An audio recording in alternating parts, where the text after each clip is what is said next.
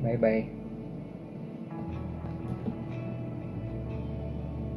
Yap. Koleksi kesayangan satu persatu laku buat bertahan hidup. Kalian gimana? Apa yang kalian udah lakuin untuk bertahan? Berdoa. Berdoanya untuk meminta atau berdoanya untuk bersyukur? Meminta apa lagi? Udah dikasih hidup. Sadar gak kenapa bukan kita yang kena corona?